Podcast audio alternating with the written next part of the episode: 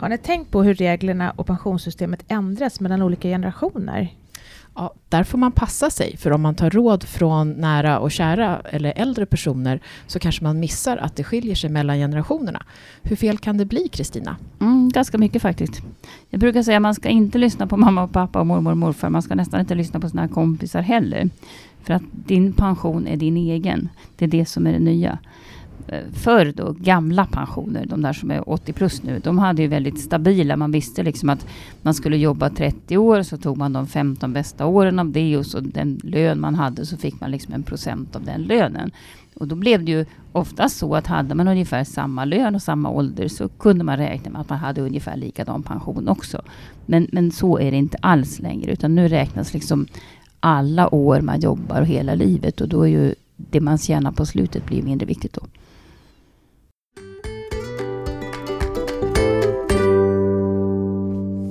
Välkommen till Min Pensionspodden. Idag ska vi prata om vilka pensionsregler som gäller för dig som är född på 80-talet. Och till vår hjälp har vi med oss Lina Milton från Nordnet som är född på 80-talet. Välkommen Lina, vem är du? Tack så mycket, det känns jättekul att vara här och gästa er podd. Jag är alltså 80-talist, 34 år, jobbar med kommunikation och marknadsföring på Nordnet. Eh, framförallt jobbar jag med pensionsaffären och pensionsfrågor.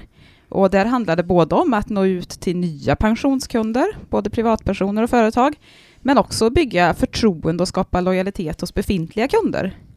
Och jag har arbetat med det här området i tio år ungefär, i lite olika roller.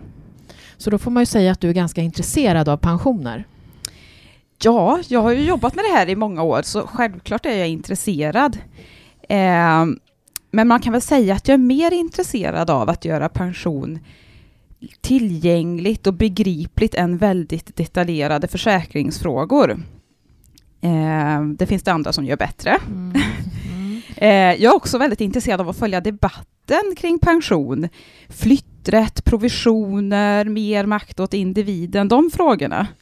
Eh, det finns ju väldigt stora utmaningar här och inte minst vad gäller flytträtten ju som vi har i teorin men inte fungerar jättebra i praktiken. Så det spännande att se hur olika aktörer tar sig an de här frågorna. Mm. Men då var du runt 25 när du började intressera dig för pensionsfrågor? Ja, det skulle ja. jag säga. Vem väckte ditt intresse då? Hur blev det så? Var det en slump eller var det någon som Nej, men det kom ju med jobbet skulle jag säga. Eh, jag har väl alltid haft någon typ av intresse för ekonomi och pension är ju ekonomi.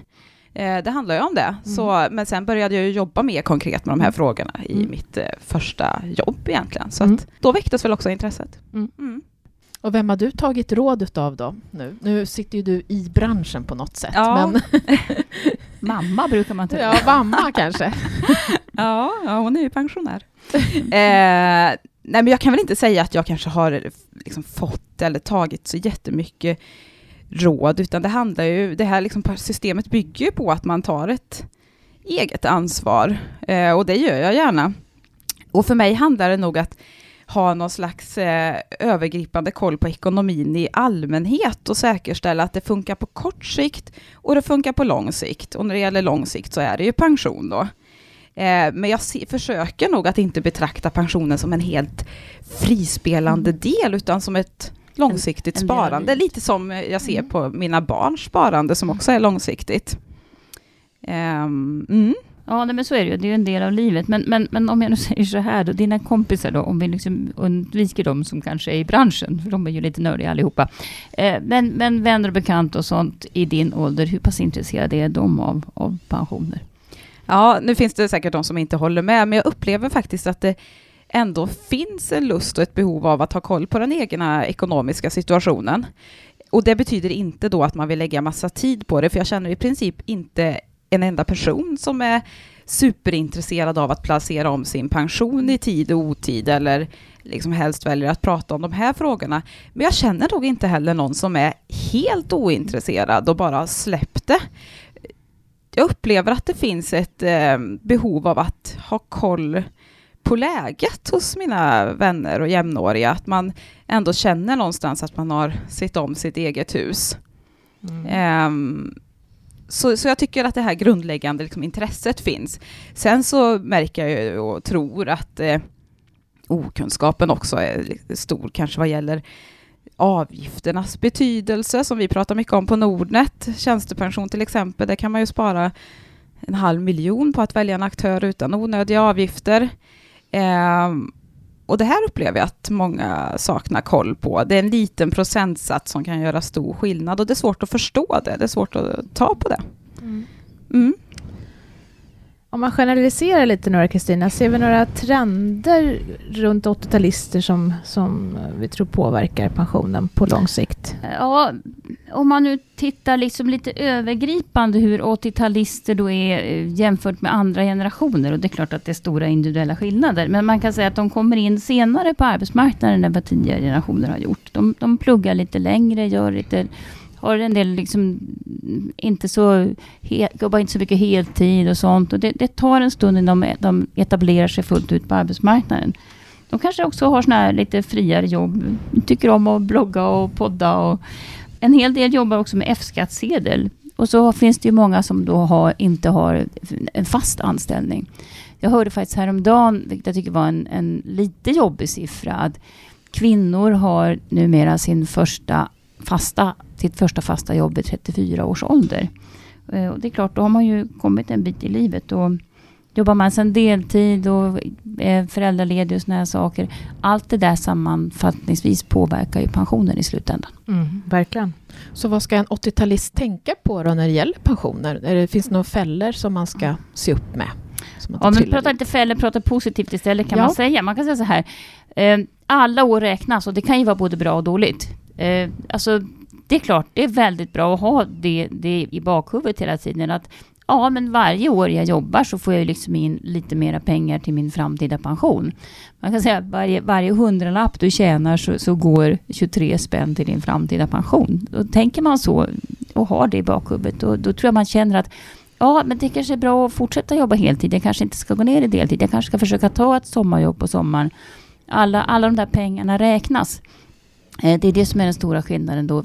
Förra, de gamla systemen där det oftast räckte med 30 år eh, i tjänst så att säga. Då, de var ju mer förlåtande då. Man, man hade ju tid att rumla runt lite och kanske ta en extra utbildning och, och jobba lite del. Man fick liksom ihop, man fick ihop sin pension i alla fall. Eh, men nu, nu räknas skitåren också. Det, samtidigt som det positiva är att eftersom alla år räknas kan man ju få ihop ganska många år där man inte behövde tjäna så jättemycket pengar och framförallt man kan ta igen ganska mycket genom att jobba lite längre. Det är bra, men de här som ändå då väljer att jobba mycket deltid och, och så. Eh, Lina, hur tycker du? Om man går in då i det här med öppna ögon och vet om att ja, men nu jobbar jag deltid, det påverkar min pension. Kan man, kan man göra det? Ja, jag tänker att eh, alla situationer är unika, att man som familj har olika förutsättningar. Och tack och lov så finns det också ganska goda möjligheter att eh, kompensera varandra. Det kan handla om att överföra pensionsrätter eller att man helt enkelt månadssparar lite mer till den part som ligger efter. Men eh, ofta pratar vi om att pension inte är så svårt och komplicerat, men just i den här frågan så tror jag att man kanske behöver ha lite mer koll och vara lite mer eh, framåtlutad. För det är lätt att vara efterklok ju, mm, när det gäller detta och då är det för sent. Ja, så är det.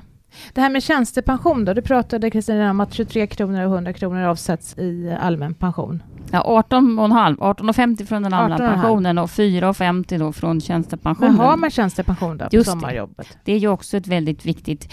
Fler och fler, alltså förr i världen så var det faktiskt så, vilket många kvinnor nog upplever idag, att man man missade tjänstepensionen om man var vik vikarie eller timanställd eller något sånt där. Då, då fick man aldrig någon tjänstepension.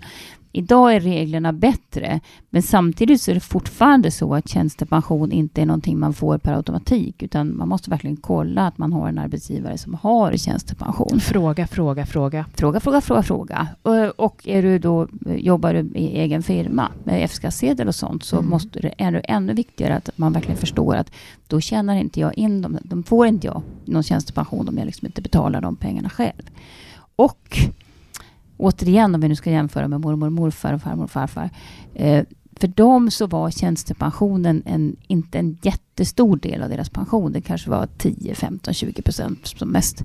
Eh, idag skulle jag vilja säga är det 30 procent kan man nog räkna med som regel för de som är unga idag. Och har man en bra lön så kommer nog tjänstepensionen att vara mer än halva pensionen. Så missar man den, då blir man ju ingen glad pensionär. Om jag då frågar min arbetsgivare om jag har tjänstepension och arbetsgivaren säger nej, det har du inte. Är det läge då att pensionsförhandla vid nästa löneförhandling? Låter väl som ett bra tips? Ja, visst är det. Och hur gör man det då? Hur menar du då, Maria? Då menar jag att eh, man kanske kan dela lite grann med sin arbetsgivare och se till så att man faktiskt får någon typ av avbetalning för tjänstepension. För det är ju ganska mycket värt, som Kristina säger. Eller få mer lön så att man själv kan sätta in Ja. och göra egna Ja, omsättningar. det är ju också en, en bra grej. För då ska man ju veta det att 4,5 procent går ju faktiskt till tjänstepension. Mm. Och då gäller det ju att spara de där pengarna vettigt också. Ja, det kanske Mm. är bättre att arbetsgivaren gör det. Mm. Kan man se någon skillnad i statistiken mellan olika årgångar? Hur påverkar ändringar i pensionssystemet egentligen individen, tänker jag? Ja, det finns ju någon sån här skräckhistoria där många unga tror att jag får liksom ingen pension alls. Det är ingenting att räkna med. Men, men, men det är klart att de får. Sen är det väldigt svårt att säga eftersom unga idag har ju väldigt mycket kvar av arbetslivet. De är liksom, det är lättare att se vad 50-talister kommer att få i pension för att de är ju nära. Eh, och då har ju vi tittat på min pension och sagt att ja, räkna med efter ett ungefär normalt arbetsliv att kanske 65 60-65 procent av lönen får man i, i pension. Jag tror att det inte kommer att vara så hemskt stor skillnad mellan, för de kommande generationerna. Men den stora skillnaden är väl kanske just då att eftersom de sannolikt kommer att leva längre att de nog kommer att behöva jobba, inte till 65 utan till kanske 66-67. Och att det, det är nog lika bra att liksom sätta in det i huvudet på en gång för att jag tror att det så kommer att bli. Jag funderar på Lina, vad tror du behövs för att unga ska börja tänka på sin pension? Att man ska börja bekymra sig. Du var ju ganska kring att det är en ekonomisk fråga. Det tyckte jag var en bra ingång. För jag tror inte man tänker riktigt så.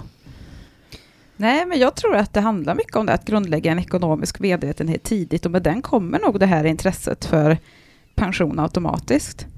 Eh, sen tycker jag ofta att vi pratar om att man nästan stirrar sig blind på att pension är så svårt och komplicerat och ointressant, men det behöver ju inte vara så. Om vi som aktörer och bransch är mer relevanta så tror jag också att det blir mer intressant, mer konkreta. Att vi ger, man har på något sätt fått eh, man är med i spelet men jag tror att man upplever att man inte riktigt har eh, fått spelreglerna klart för sig. Så jag tror att det handlar mycket om det, att prata med bönder på bönders vis. Och där återstår det nog ganska mycket jobb. Ja, det tror jag med. Så hur summerar vi det här då, Kristina? 80-talisterna. Ja, vi får väl hjälpas åt Lina och jag. Men, Ja. men det är klart, man måste ju också först börja med att, att, att pension är ju inte allt. Det är ju inte så att man liksom ska ligga sömnlös som 80-talist och fundera på hur ska det bli med min pension. Eh, men se gärna, alltså jag brukar prata i termer av livsinkomst. Alltså se, se livet, alltså man ska ha pengar under delar av, av hela, av he, under hela sitt liv. Eh, och nu är det ju så bra i det här landet att vi blir gamla. De flesta av oss får liksom räkna med att vi kommer att bli gamla. Och då är det väl bra att ha pengar även när man blir gammal. Så att, eh, tänk det mer som att ja, jag ska ha pengar här och nu och det kanske är viktigast och jag ska leva ett bra liv och så. Men ha ändå en, en tanke kring att ja, jag kommer nog att bli gammal också, vilket ju är jättebra och då är det bra om jag har några pengar då också. Konstigare än så behöver det faktiskt inte vara. Mm. Vad tycker du då, Lina? Ja, men eh, jag har tre tips som jag gärna vill skicka med. Och det första är kräv tjänstepension och förhandla om tjänstepensionen precis som du gör med din vanliga lön, för det är ju egentligen inget annat än en framtida lön. Det andra är håll koll på avgifterna, onödigt att betala för mycket om man inte behöver. Och det tredje är att sätta av pengar själv i ett långsiktigt sparande. Mm. mm. Och jag kompletterar då med att eh, tänk på att alla år räknas. Eh, det är bra att försöka åtminstone få ihop någon inkomst varje år. Komma över den där eh, gränsen för när man ska deklarera, det vill säga 19 000 kronor om året. Eh, för att eh, då blir man glad när man blir gammal, att man har tjänat in lite pengar när man är ung. Så annars, alternativet är ju att man förmodligen måste jobba lite längre. Eh, det är också viktigt just om man ska plugga eller, eller jobba utomlands att man förstår då att då så att säga är man utplockad från det, det svenska pensionssystemet. Så att eh, ska man jobba länge utomlands i synnerhet så måste man ta reda på vilka regler som gäller i det landet. Eh, och enklast är naturligtvis att fråga arbetsgivaren. Bra Då- tips. Ja, och Ja. göra det innan. Mm. Tänk efter före. Tänk efter före.